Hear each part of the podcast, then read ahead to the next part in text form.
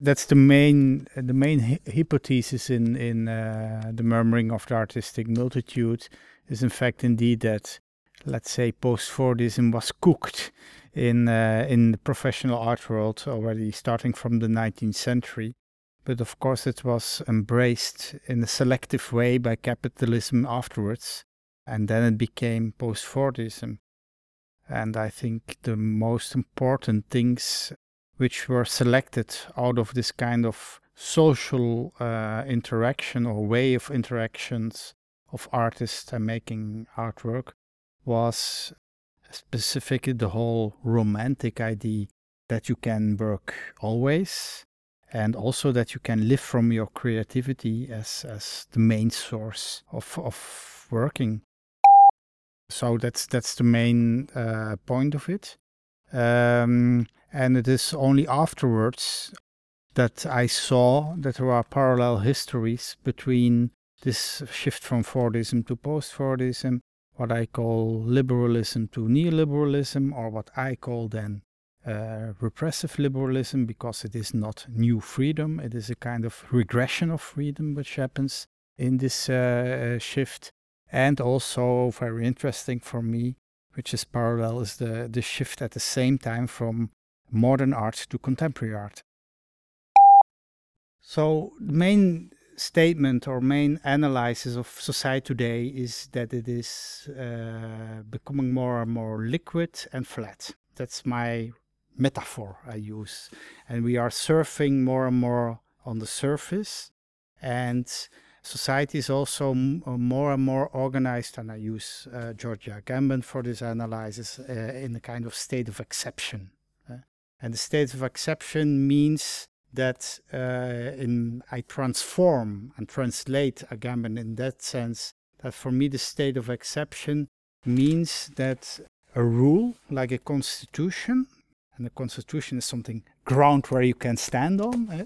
that's a constitution that this uh, constitution can change every day by and so it's not a constitution anymore the constitution or the law becomes a measure and measures are taken again and again and again so this is a kind of become more and more uh, this kind of shift from uh, laws, constitutions, laws to measurement makes our society more and more liquid.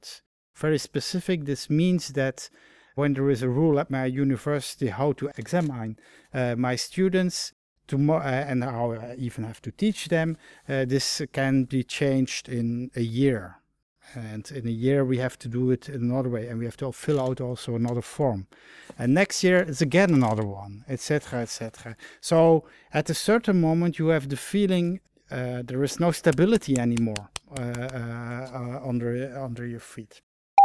This is uh, what people uh, feel more and more on the individual level. That there is no stability anymore.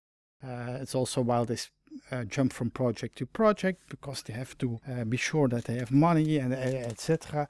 So they they they do do this literally surfing on the surface, tack tack from one project to another.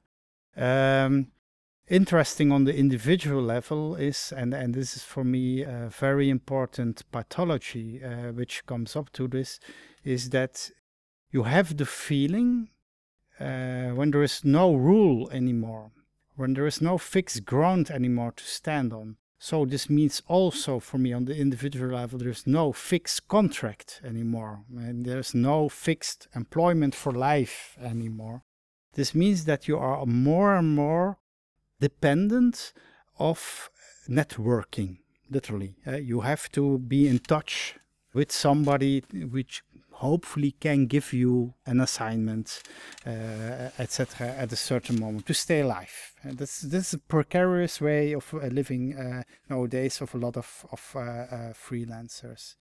What happens, uh, and I go to this this anecdote also nowadays more and more is what you see that people are on the art scene or other scenes because they need to be seen on the scene at that place to get an assignment uh, uh, that they talk and you see this more uh, with with um, director or programmer or curator to get an assignment to make an art piece etc so This informal space is very important.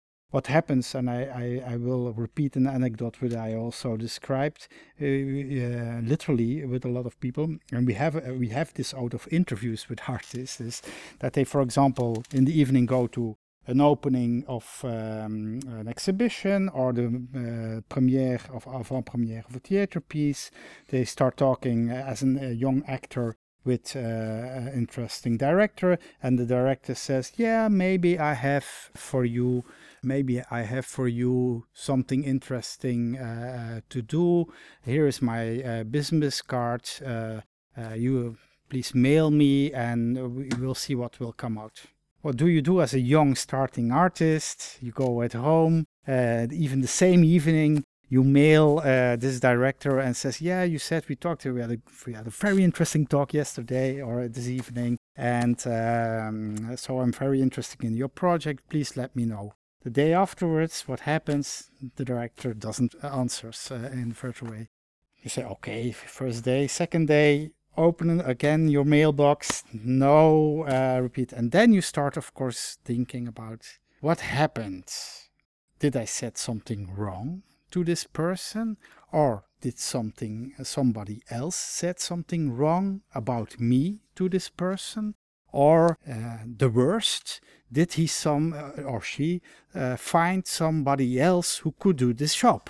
And so it uh, when when you have the feeling of this then you have the feeling that you are not unique anymore eh? that you that you are replaceable by somebody else. What is this feeling about? This is um, uh, related to or i related to the an old pathology of the 19th century which was called hysteria yeah, people get more hysterious i have to be there i have to be there with this person so surfing on that, tuck, tuck, tuck, uh, doing this from place to place, but also the feeling I have to be connected, I have to be in my mailbox again and again and again to look what uh, assignments is, etc. So, so you have on the individual level more and more people who get hysterious uh, and act also hysterious.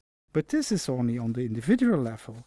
You see this also uh, at the same time uh, on um, what we call as sociologists the meso-sociological level. That means on, uh, on, on the level of organizations. Uh, I have, for example, almost every three months a huge discussion in my staff at the university when somebody shows, this university had this assignment for a research grant and we didn't what do we have to do? We have to change our management, we have to change our strategies, etc., etc. And three months later, the same. Eh? So also organizations start to act in a hysterical way.